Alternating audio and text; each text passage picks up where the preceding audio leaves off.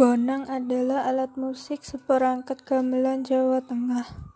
Bonang ini terbuat dari logam seperti besi, perunggu, dan kuningan.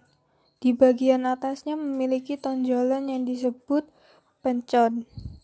Alat musik ini dimainkan dengan cara dipukul atau ditabuh menggunakan alat pemukul khusus yaitu bindi. Bonang juga merupakan gong mini yang ada pada degung gamelan Sunda.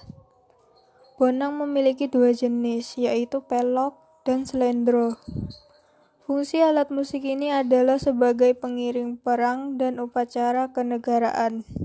Kini bonang juga dimainkan di pertunjukan seni wayang, pernikahan, dan acara lainnya.